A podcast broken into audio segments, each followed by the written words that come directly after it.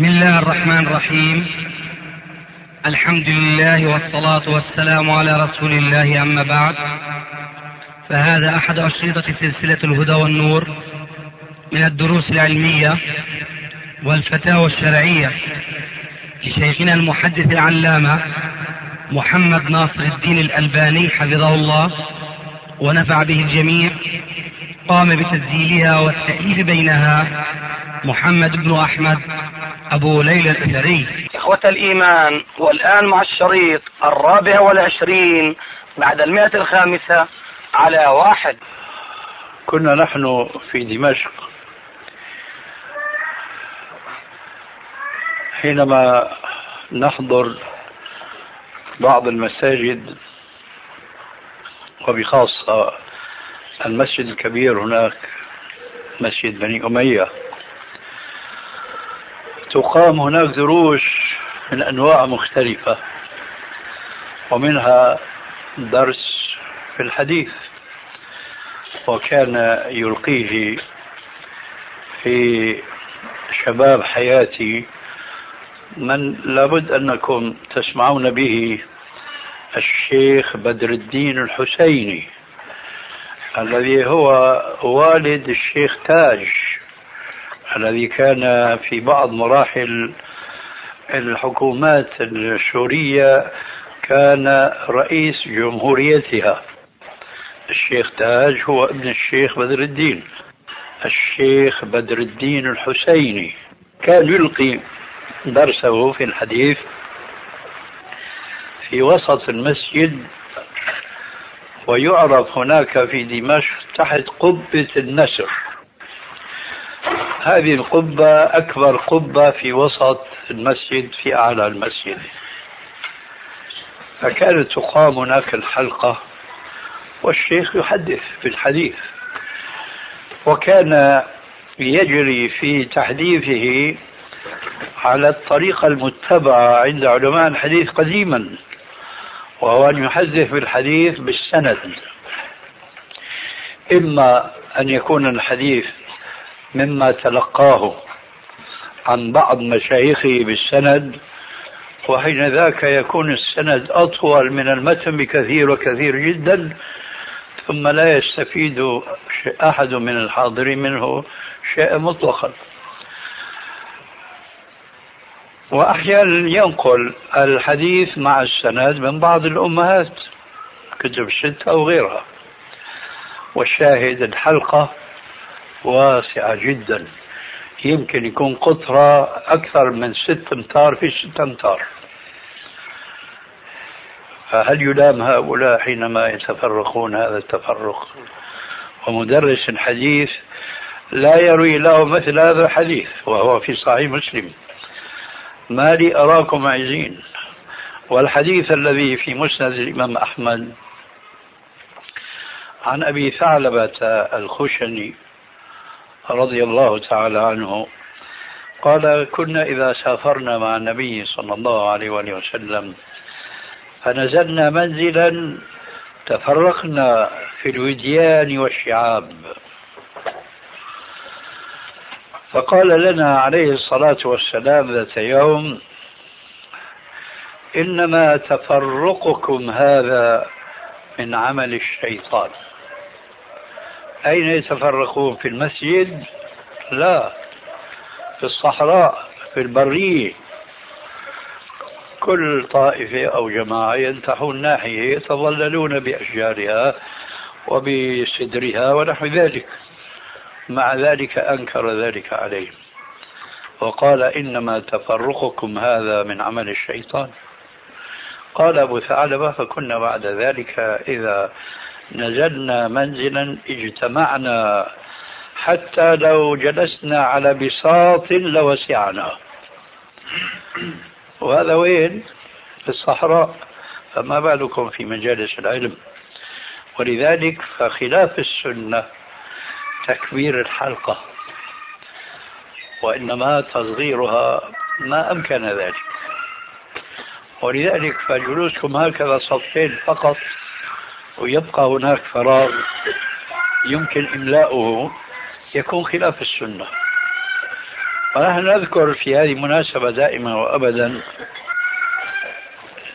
أن مثل هذا التوجيه من النبي صلى الله عليه وسلم ومثل هذا الاهتمام بتجميع المسلمين في أبدانهم وفي أشخاصهم لم يكن ذلك من باب الاهتمام بالظاهر فقط دون إصلاح الباطن. ذلك لأنه من المقرر شرعا أن إصلاح الظاهر يساعد على إصلاح الباطن. وهذا صريح في قوله عليه السلام المعروف ألا وإن في الجسد مضغة إذا صلحت صلح الجسد كله وإذا فسدت فسد الجسد كله ألا وهي القلب. ونحن نقول بمثل هذه المناسبة كما أن صلاح الجسم من الناحية المادية والصحية البدنية يتعلق بصلاح القلب وصحته فإذا كان القلب في جسد صاحبه سليما فلا يمكن أن يكون الجسد إلا سليما. والعكس بالعكس إذا فسد القلب مرض الجسد. هكذا يقول نبينا صلوات الله وسلامه عليه مذكرا لنا بوجوب الاهتمام في إصلاح الظاهر لأن هذا الإصلاح يكون اولا دليلا على صلاح الباطن ثم يكون هناك تعاون بين الظاهر والباطن. وكما أقول دائما وابدا هذا الحديث يعطينا عن خاطرة أو فكرة سبقت في أذهان بعض الفلاسفة قديما ولم يستطيعوا حتى اليوم أن يحققوها فعلا وهي ما يسمونها بالحركة الدائمة. مثلا تكبس زر تيار ويستمر بمجرد الكبسة إلى ما شاء الله بدون أن ينقطع. إلا إذا أحببت أن تقطعها. أو سيارة مثلا تحركها تستمر بدون أي قوة الحركة الدائمة منها من ذاتها. هذا خيال لكنه حقيقة فيما يتعلق بصلاح الباطن والظاهر. فصلاح الباطن يؤثر في صلاح الظاهر وصلاح الظاهر يؤثر في صلاح الباطن والدليل لماذا أمر النبي صلى الله عليه وسلم في الاجتماع في حلقات الذكر كما قلنا آنفا في قول عليه السلام ما لي أراكم عزين وفي قول الآخر إنما تفرقكم هذا من عمل الشيطان وأكثر من ذلك قوله عليه السلام حينما كان تقام الصلاة فلا يكبر حتى يأمر بتسوية الصفوف ويقول لهم لا تسون صفوفكم أو لا يخالفن الله بين وجوهكم. إذا اختلاف في الصفوف يؤدي إلى اختلاف في القلوب. والاستواء في الصفوف يؤدي إلى استواء القلوب وتحببها وتجمعها ونحو ذلك. لهذا كان عليه السلام يهتم بإصلاح الظاهر وإصلاح البدن. وقديما قالوا صلاح الأبدان كصلاح الأديان فكل منهما مرتبط مع الآخر. أنتم تعلمون أن النبي صلى الله عليه وسلم يأمر للمسلم الذي أصابه مرض ما أن يتداوى حيث قال عليه الصلاة والسلام تداووا عباد الله فإن الله لم ينزل داء إلا وأنزل له دواء. زاد في حديث آخر علمه من علمه وجهله من جهله. فإذا يجب العناية بالأمرين معا. وليس كما يزعم بعض الجهلة يا أخي لا عبرة بما في القلوب. إذا قيل له لماذا لا تصلي؟ لماذا لا تقوم بواجب الشرعي بيقول لك العبرة بما في القلوب.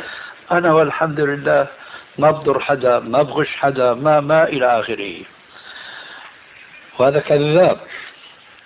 الشيطان دلس عليه. هو يقول ما بغش حدا. أول من غش هو نفسه. لأنه عصى ربه. فكيف يمكن أن يكون سليم القلب وهو لا يطيع الله عز وجل على الأقل فيما فرض الله عليه؟ هذه كلمة بين يدي التضام في حلقات العلم. لا بد منها أن تكون على بال منكم حتى تأتمروا أولا بأوامر الرسول صلى الله عليه وسلم وحتى تتذكروا هذه الحقيقة أن صلاح الباطن لا يغني عن صلاح الظاهر. صلاح الأبدان لا يغني عن صلاح الأديان. وصلاح الأديان إذا صح التعبير بالجمع لا يغني عن صلاح الأبدان. طيب غيره شو عندكم؟ تفضل. آه شيخنا هل ورد شيء في مسألة الجلوس في وسط الجلسة؟ الرجل يجلس في وسط الجلسة أو في وسط؟ نعم هناك حديث يقول يلعن من جلس وسط الجلسة ولكن والحمد لله هو حديث لا يصح. هذا أولا. وثانيا لو كان يصح لكان المقصود منه الجلوس وسط الجلسة بقصد لفت أنظار الناس كان يقول بلسان الحال أنا هنا. أما والحديث لم يصح فالحمد لله وهو من حصة كتاب سلسلة الأحاديث الضعيفة والموضوعة وأثرها السيء في الأمة. غيره. تفضل. نقول الحمد لله رب العالمين والصلاة والسلام على سيد المرسلين وعلى آله وصحبه أجمعين. أما بعد فهذه أسئلة ذكرها الإخوة وجمعوها متعلقة ببعض الجماعات وشيء من أحوالهم. السؤال الأول ما هو رأي شيخنا حفظه الله تعالى في كتاب حياة الصحابة؟ وماذا تنصح قراء هذا الكتاب والمعتنين به والمشتغلين بتداوله؟ لا إله إلا الله. هذا السؤال يلتقي مع سهرة قريبة جدا قاضيناها في قرية مادبة لابد أنكم تعرفونها. واستمرت السهرة إلى بعد نصف الليل. وكان فيها من كل الجماعات أو الأحزاب. فمن حزب التحرير ومن حزب وإن كانوا هم لا يريدون أن يقولوا حزب فلنقل ما يحبون. ومن جماعة الإخوان المسلمين. ومن جماعة التبليغ. كل هؤلاء كانوا حاضرين في الجلسة. واضطررنا إلى التحدث عن هذه الجماعات وعن بعض هذه الأحزاب. وقلنا كلمة الحق لا نداهم فيها أحدا إن شاء الله. أن هذه الأحزاب أولا تخالف مبدأ إسلاميا مصرحا به تصريحا ما بعده تصريح في كتاب الله. ووضح ذلك رسول الله صلى الله عليه وسلم في أكثر من حديث واحد وحسبنا الآن أن نذكر بقوله تعالى ولا تكونوا من المشركين من الذين فرقوا دينهم وكانوا شيعا كل حزب بما لديهم فرحون.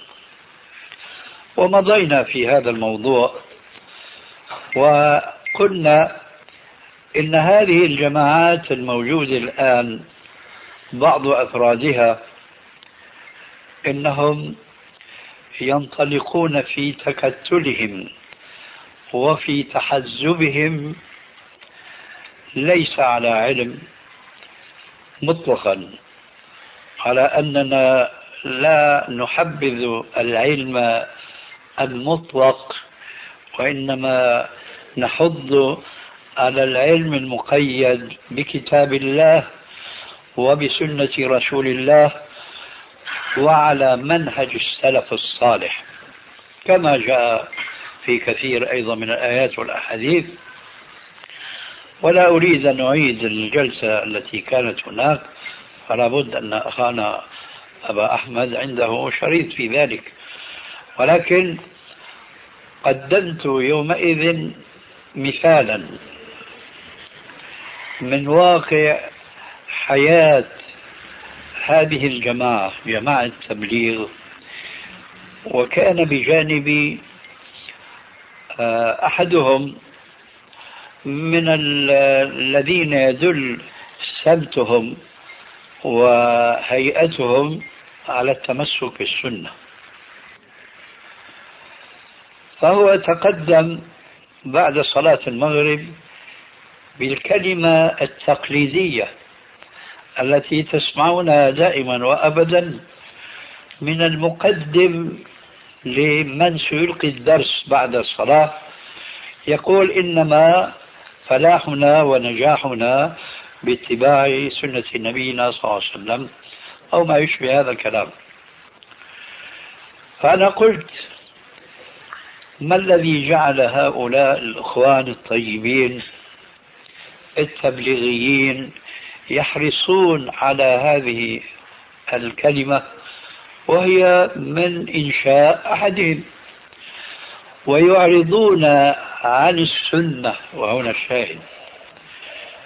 السنة قلت لهم افتتحنا لكم هذه الجلسة بخطبة الحاجة. إن الحمد لله نحمده ونستعينه ونستغفره ونعوذ بالله من شرور أنفسنا ومن سيئات أعمالنا. من يهده الله فلا مضل له ومن يضلل فلا هادي له.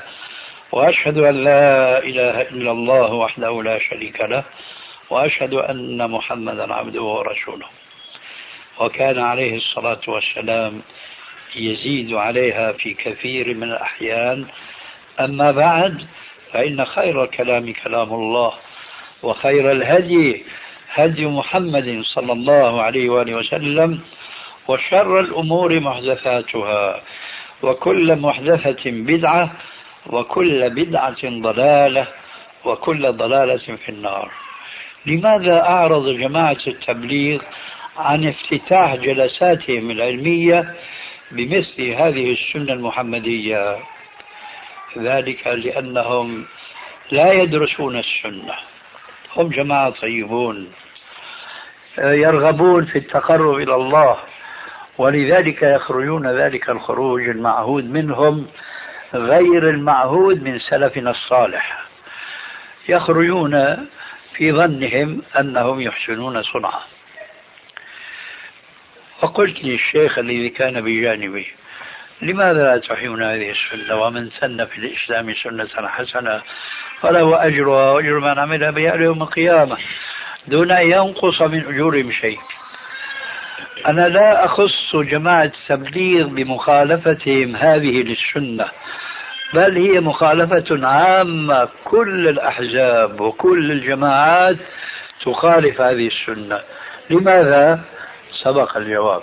لأنهم لا يدندنون حول دراسة السنة أولا. لأن هذه الدراسة تعلم الناس وتوقظهم من سباتهم ونومهم العميق. ولذلك فكيف يحيون السنة وهم يجهلونها؟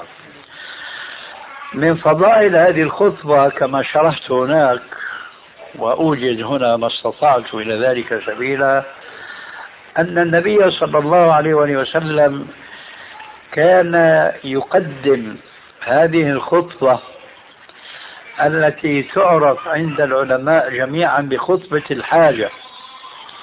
كان يقدمها بين يدي كل كلمة كل نسميها محاضرة أو درس أو موعظة أو ما شابه ذلك. كان يذكر فيها خير الهدى هدى محمد صلى الله عليه وسلم وشر الأمور محدثاتها وكل محدثة بدعة وكل بدعة ضلالة وكل ضلالة في النار. ما هو السر في إعراض الجماعات الإسلامية كلها عن هذه الخطبة؟ أنا أقول الأمر يعود إلى شيئين. الشيء الأول أنه يصدق عليهم قوله تعالى ولكن أكثر الناس لا يعلمون لكن ما أستطيع أن أقول أنه ما طرق سمع أحدهم مطلقا ولا قرأ هذا الحديث في كتاب ما وهو في صحيح مسلم أصح الكتاب بعد كتاب الله وصحيح البخاري موجود هذا الحديث فيه. لا تصور أن أحدا مطلقا من هؤلاء لا علم عنده بهذا الحديث. إذا ما الذي يصرفهم أو يصدفهم عن التمسك بهذه السنة؟ أقول لأنها تخالف منهجهم. كيف؟ هذا الحديث يؤسس قاعدة لا يتبنى إلا الذين ينتسبون إلى السلف الصالح من أمثالنا. ما هي هذه القاعدة؟ كل بدعة ضلالة وكل ضلالة في النار. فلا تجد إخوان المسلمين ولا حزب التحرير ولا جماعة تبليغ وإن كان هناك جماعات أخرى في بلاد أخرى لا تجد منهم أحدا يدندن حول هذه القاعدة. كل بدعة ضلالة وكل ضلالة في النار.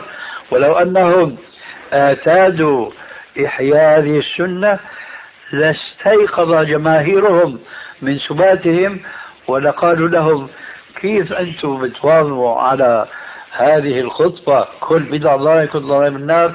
ونحن نسمعكم دائما تقولون لا هناك بدعة حسنة. هناك بدعة حسنة.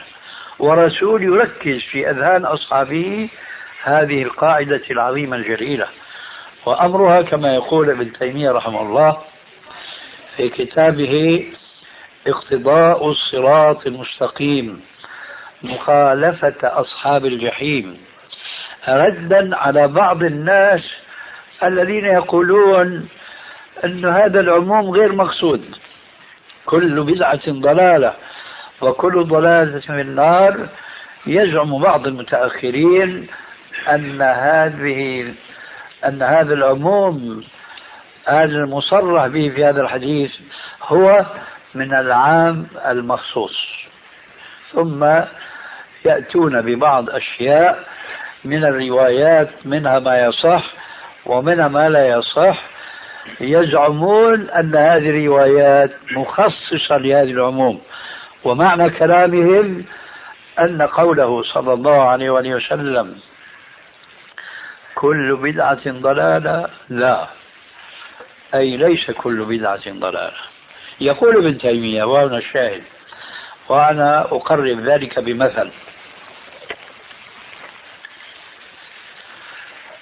لا يمكن أن يكون هذا النص من رسول الله صلى الله عليه وسلم من العام المخصوص وهو يكرره دائما وأبدا على مسامع أصحابه. في كل مناسبة يريد أن يتكلم فيها بين أصحابه يقول كل بدعة ضلالة وكل ضلالة في النار. يستحيل أن يكون هذا من العام المخصوص لأن المفروض على النبي صلى الله عليه وآله وسلم الذي خوطب بقوله تعالى يا أيها الرسول بلغ ما أنزل إليك من ربك وإن لم تفعل فما بلغت رسالته. والله يعصمك من الناس. ربك يعصمك من الناس الذين قد يقصدون القضاء عليك فيحولون لو وصلوا إلى هدفهم. عليكم السلام. آه، يحولون بينك وبين تبليغ الرسالة وتوضيحها وبيانها. يا أيها الرسول بلغ ما أنزل إليك من ربك وإن لم تفعل فما بلغت رسالته. والله يعصمك من الناس.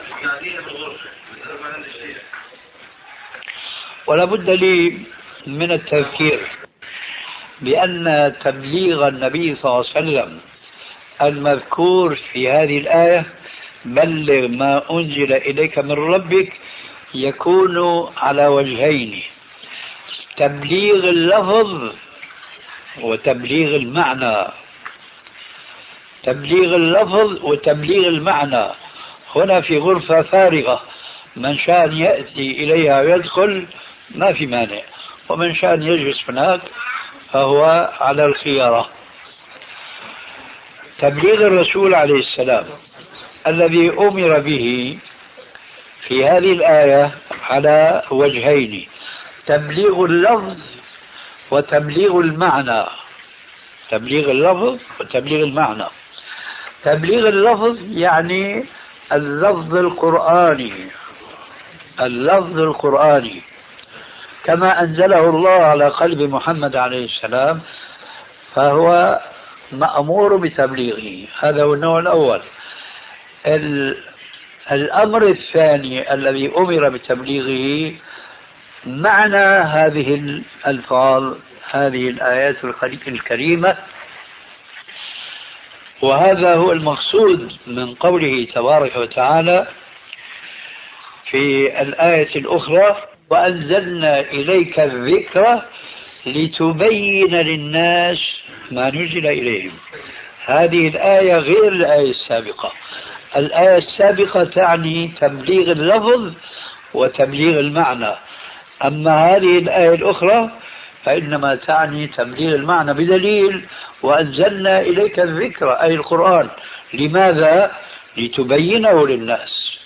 وبيانه عليه السلام وهذا لا يحتاج الآن إلى تفصيل ثلاث أقسام؟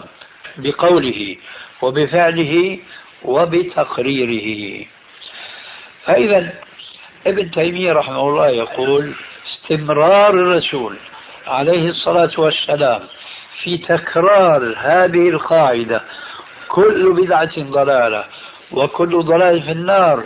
على مسامع أصحابه يستحيل أن يكون من العام المخصوص لأنه المفروض عليه ولو مرة واحدة أن يبين بحكم ما ذكرنا من الآيات أن يبين أن هذا النص العام ليس على عمومه وشموله ولم يفعل ذلك إطلاقا بل هو عليه الصلاة والسلام من تمام تبليغه لما أمره الله به كان يؤكد هذه القاعدة العامة فيقول من أحدث في أمرنا هذا ما ليس منه فهو رد إلى آخر ما هنالك من أحاديث أخرى ولسنا أيضا في صددها.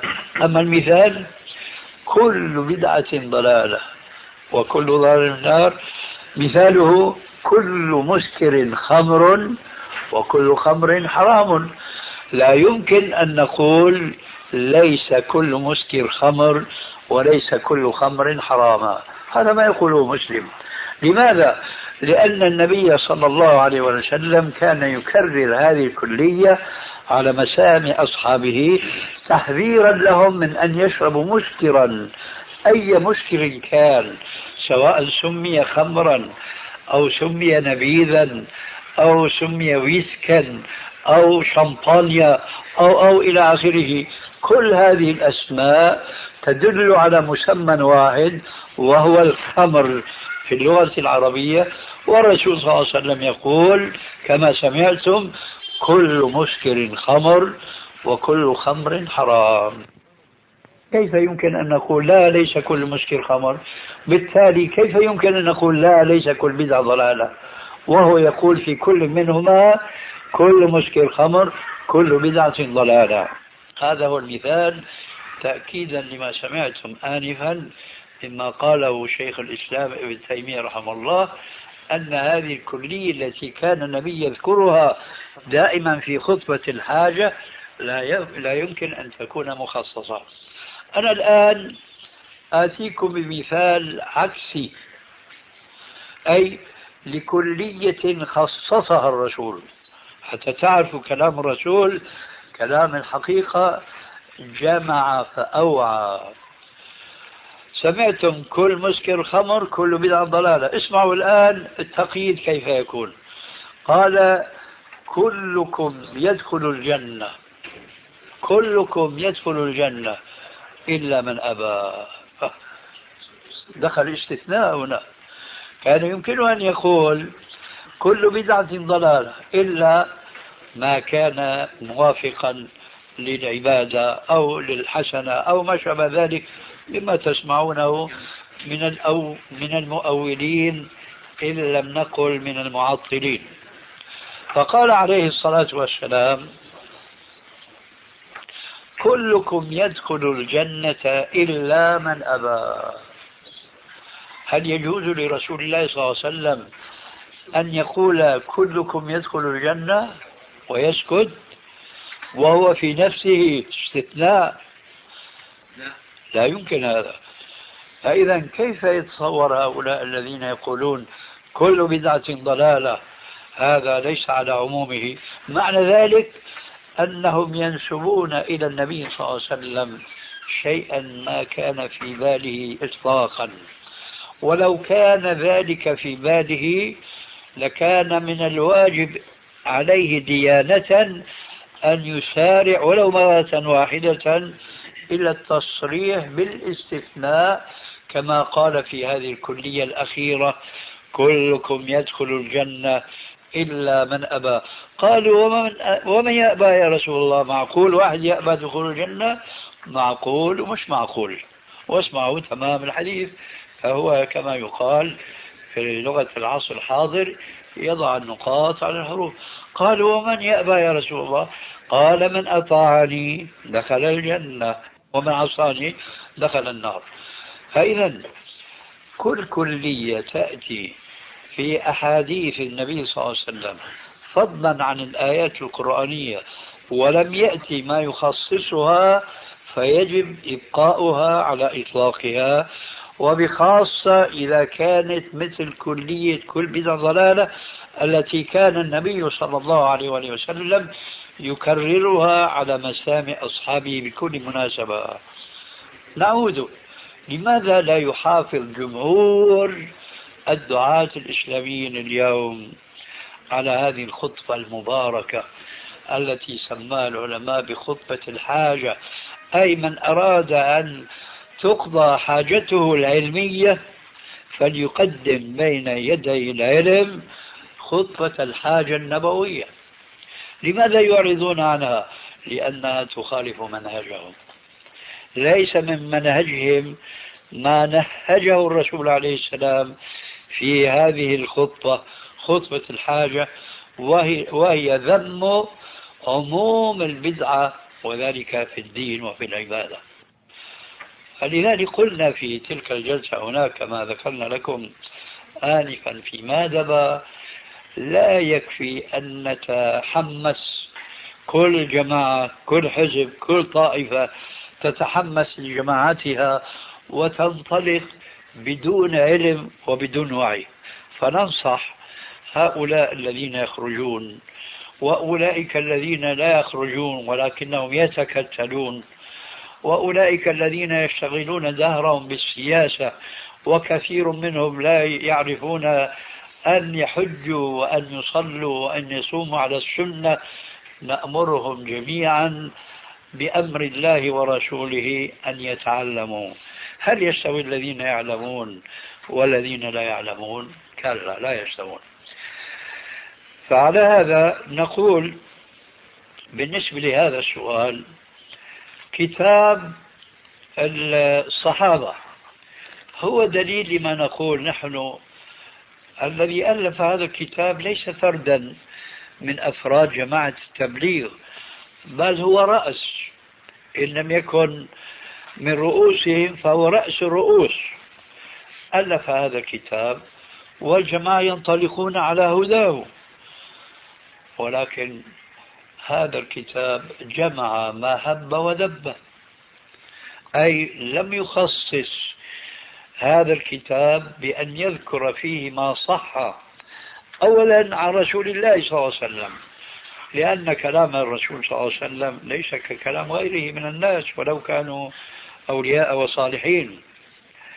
ثانيا ذكر روايات كثيرة عن الصحابة رضي الله عنهم فيها أيضا من باب أولى. إذا كان في الأحاديث التي نسبها إلى الرسول فيها أشياء لا تصح نسبتها إلى الرسول عند من؟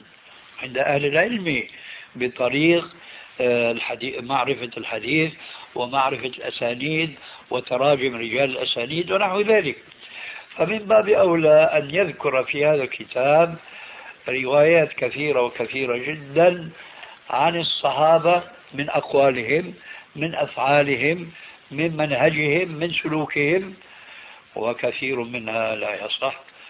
ويعجبني بهذه المناسبة قول لشيخ الإسلام ابن تيمية رحمه الله وهذا من نفيس كلامه ودقيق منهجه العلمي حيث قال ما معناه أن على كل باحث أن يتثبت فيما يرويه عن أصحاب النبي صلى الله عليه وآله وسلم كما يتثبت فيما يرويه عن الله ورسوله. هذه كلمة جماهير العلماء قديما وليس حديثا فقط قديما وحديثا قد أخلوا بها. فما تعود إلى كتاب إلا ما ندر جدا جدا. مثل كتاب مثلا نيل الأوطار الشوكاني. هذا من الكتب التي نحن نحض طلاب العلم على الاعتناء بدراسته وبالاستفادة منه. مع ذلك تجد يحشد فيه أقوال الصحابة والتابعين وغيرهم بمناسبة الكلام عن آية أو حديث لكنه لا يسلك هذا السبيل وهو سبيل التثبت مما ينسب إلى الصحابة كما يجب التثبت مما ينسب إلى النبي صلى الله عليه وسلم. قل من يفعل هذا. ومن هنا يصيب المجتمع الإسلامي شيء من الانحراف. لماذا؟ وهذه نقطة في الحقيقة مهمة جدا. نحن قلنا دائما وأبدا أن منهجنا كتاب الله وسنة رسول الله وعلى ما كان عليه سلفنا الصالح. لا يكفي اليوم أبدا أن ندعو الناس إلى الكتاب والسنة فقط لأنك لن تجد في كل هذه الجماعات المختلفة حديثا وقديما لن تجد جماعة منهم ولو كانوا من المرجئة أو كانوا من المعتزلة يقولون نحن لسنا على الكتاب والسنة. كلهم يقولون هكذا. إذا ما هو الفارق بين هذه الجماعات التي كلها تقول وهي صادقة فيما تقول؟ ما نستطيع أن نتهمها. صادقة فيما تقول. نحن على الكتاب والسنة. لكنها غير صادقة في تطبيقهما على ما كان عليه سلفنا الصالح رضي الله تعالى عنهم. من هنا نقول لا بد من معرفة ما كان عليه السلف لنستعين به على فهم الكتاب والسنة. فإذا جاءتنا رواية عن بعض الصحابة وهي غير صحيحة وأخذنا بها على أساس أنها بيان الكتاب والسنة. انحرفنا كما لو أخذنا بحديث ضعيف أو موضوع. لهذا ابن تيمية يقول يجب التثبت فيما نرويه عن الصحابة كما نتثبت فيما نرويه عن الله ورسوله صلى الله عليه وسلم. هذا الكتاب كتاب الصحابة خالف هذا النهج العلمي فهو جمع ما هب ودب ولأضرب لكم مثلا مجملا. هو ينقل مثلا كتاب حديثا عن كتاب مجمع الزوائد يقول رواه أحمد والطبراني وقال في مجمع الزوائد رجال ثقات الذين يتداولون هذا الكتاب. حينما يقرؤون قال في مجمع الزوائد رجاله ثقات ما الذي يفهمون منه؟ كما يقولون عندنا في بعض الأعراب في سوريا خوش حديث. ما دام رجاله ثقات صار حديث ثابت. لا. عند أهل العلم أي حديث يقول فيه أحد المحدثين رجاله ثقات فليس يعني ذلك هذا المحدث أنه حديث صحيح. بل أي حديث يقول فيه مؤلف الكتاب رجال رجال الصحيح فلا يعني أنه صحيح. وهذا أشد إيهاما لصحة الحديث من قوله الأول إذا قال رجال ثقات قد يتوهم بعض الناس أنه صحيح لكن الإيهام بالتعبير الثاني رجال رجال الصحيح أكثر. مع ذلك لا هذا ولا هذا. في علم الحديث يعني صحة الحديث. إذا كان ينبغي على مؤلف هذا الكتاب أن يختار. ما نقول أن يصحح كل هذه الروايات ويدقق القول فيها لأن الحقيقة أنا أعتقد أنه لو أراد رجل عالم متثبت يريد أن يصحح وأن يضعف أن يؤلف كتابا مثل كتاب الصحابة لأخذ منه سنين عديدة. لأن الحديث الواحد تحقيق فيه قد يأخذ منه ساعات بل قد يأخذ منه يوم وأيام وهذا نحن نعرفه بالتجربة. فإذا لو أراد أن يؤلف مثل هذا الكتاب على هذه الطريقة كان يأخذ منه عمره أو بعض عمره على الأقل. لكن كنا نرجو منه أن يختار ما صح عنده بأقرب طريق بدون ما يجي يخصص الكلام في كل حديث من هذه الأحاديث. إذا هذا هو الجواب عن كتاب الصحابة أنه لا ينبغي الاعتماد عليه إلا بشيء من التحفظ كأكثر الكتب. وأنا أضع بين أيديكم الآن قاعدة لكي لا تحترموا الاستفادة من مثل هذا الكتاب. فأقول كلما رأيتم حديثا معزوا أولا لأحد الصحيحين في هذا الكتاب أو في غيره يقول رواه البخاري مسلم رواه البخاري رواه مسلم فعضوا عليه بالنواجذ. هذا أولا. ثانيا إذا رأيتموه نقل ويرحمك الله عن أحد المحدثين أنه قال هذا حديث إسناده صحيح أو قال إسناده حسن أيضا تمسكوا به وما سوى ذلك فعرجوا عنه ولا تعرجوا عليه. غيره. بارك الله فيك. هذا بس شيخنا في الكتاب نفسه ولا قاعدة في عموم الكتب يعني؟ كل الكتب. لعلك تحفظ سؤالك لمناسبة أخرى إن شاء الله. لا؟ بدنا نشتغل هنا. شيخنا السؤال اللي الذي سألناه في الأول كان يعني متعلقا بمسألة واحدة فجزاكم الله خير أوعبتم القول في كثير من المسائل المتعلقة بجماعة التبليغ. إيه؟ ولكن هنا بعض المسائل أخرى قد تتعلق بجوانب أخرى يعني نريد الإجابة عنها ولو بشكل مختصر بعد ذلك التفصيل. بارك الله فيكم. تفضل. يقول السائل آه، ما رأيكم بأصل من أصول جماعة التبليغ؟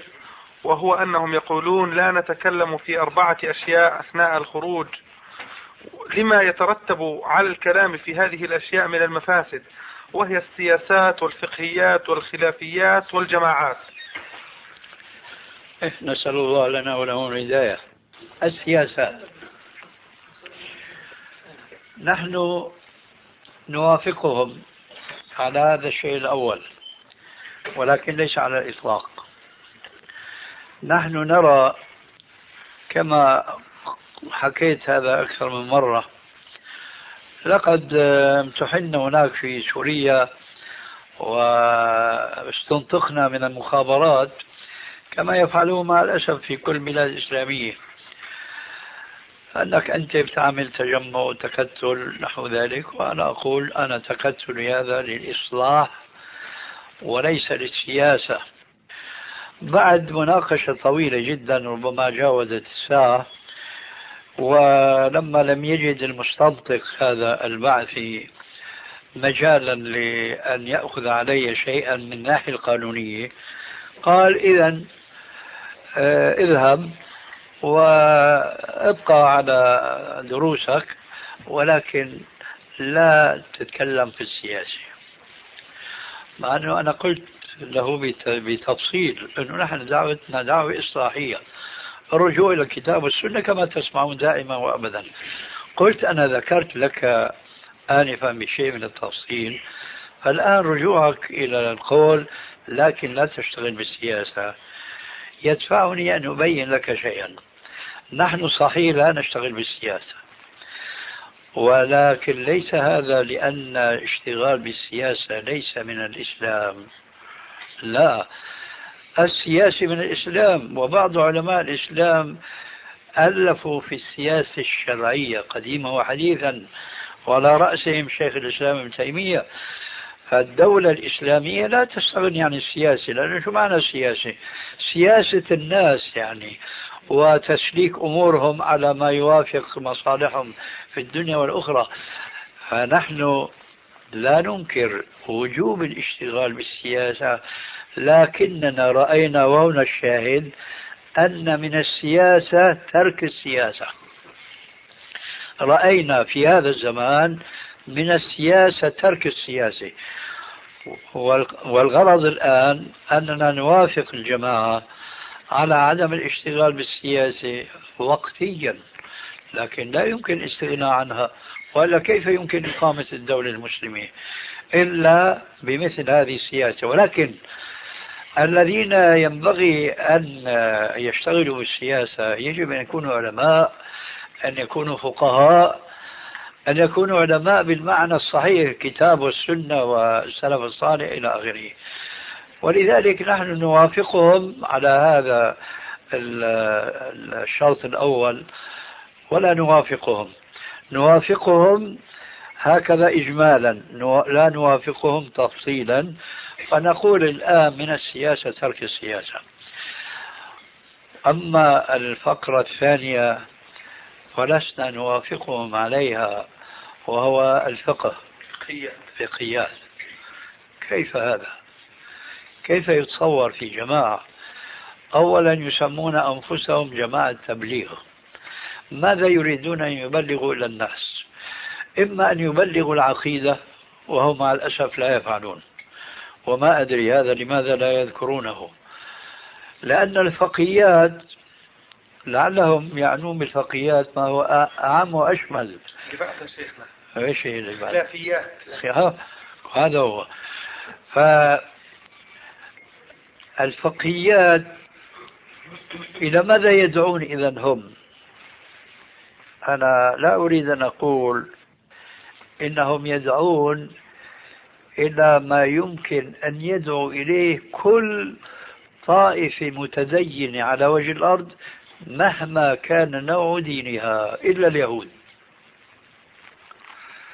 فأنتم تعلمون مثلا أن جماعة التبشير من النصارى هم يدعون إلى شو بيسموها اللي مذكورة في في الإنجيل العشر الوصايا العشر.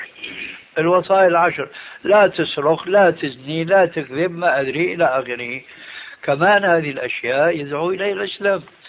فإذا كان الجماعة لا يريدون أن يبحثوا في السياسة قلنا لهم لا بأس مؤقتا. لكن في الفقهيات ورسول الله يقول من يريد الله به خيرا يفقه في الدين. أنا أعتقد جازما أن هذه الفقرة سبب وضعها هو نفس السبب الذي يحملهم على ترك خطبة الحاجة. ولعلكم ما نسيتم بعد ما هو السبب أنهم لا يؤمنون بقوله عليه السلام كل بدعة ضلالة وكل ضلالة في النار. هذه القاعدة التي أسسها الرسول عليه السلام كما ذكرنا لكم آنفا. ولذلك فهم لا يعرجون على هذه السنة المتروكة ولا يحيونها. كذلك لماذا لا لماذا أعرضوا عن الفقهيات؟ لأنهم لا فقه عندهم. لأن الفقه كما قال ابن القيم رحمه الله العلم قال الله قال رسوله قال الصحابة ليس بالتمويه. ما العلم نصبك للخلاف سفاهة بين الرسول وبين رأي فقيه؟ كلا ولا جحد الصفات ونفيها حذرا من التعطيل والتشبيه فهم لا يبحثون في الفقهيات بزعم أنه يثير الخلاف.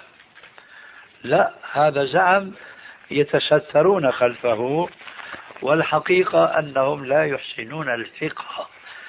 كل واحد كما يقولون عندنا في الشام. جماعة تبليغ مثل إخوان مسلمين مثل حزب التحرير لا فرق بينهم في نقطة واحدة وهي جماعة أخوان مسلمين بيجمعوا بين السلفي والصوفي بين الحنفي والشافعي والمالكي والحنبلي وفي بعض الظروف بين السني وبين الشيعي. هيك السياسة بتقتضي. حزب التحرير كذلك. ما بيهمهم.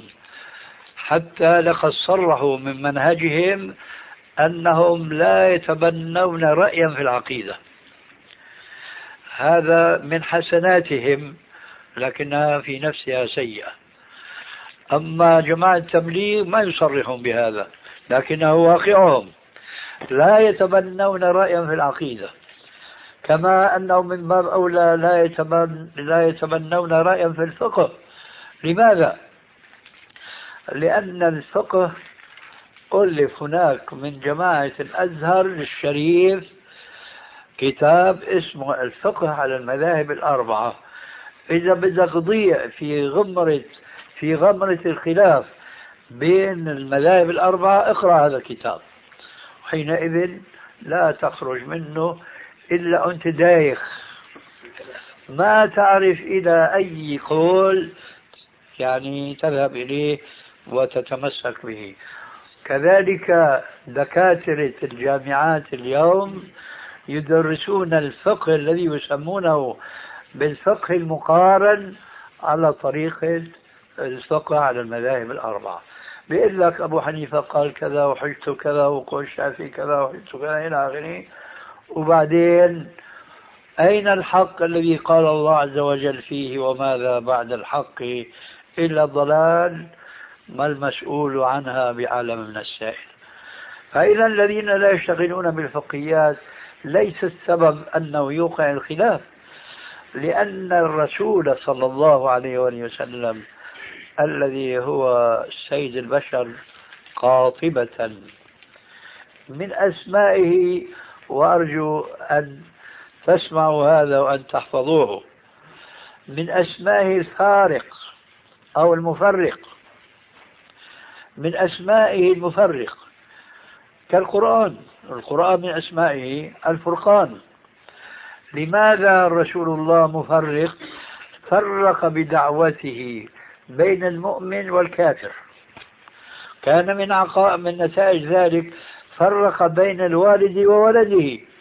هذا كافر مشرك وهذا مؤمن مسلم. إذا لماذا نحن نخاف أن نفرق؟